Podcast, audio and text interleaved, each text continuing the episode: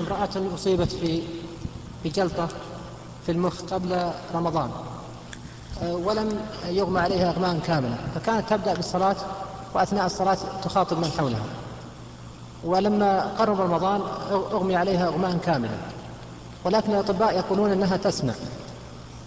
فما أه، وتوفيت في رمضان. أه، فما هل يكفر عنها. هذه بارك التي أغمي أصيبت بجلطة قبل رمضان وبقيت مغمى عليها أو فاقدة الشعور.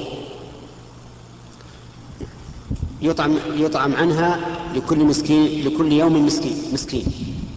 يطعم عنها لكل يوم مسكين. لأن الصحيح أن الإغماء لا يمنع وجوب الصوم وإنما يمنع وجوب الصلاة. فلو أغمي على الإنسان بغير اختياره وبقي يومين أو ثلاثة فلا صلاة عليه.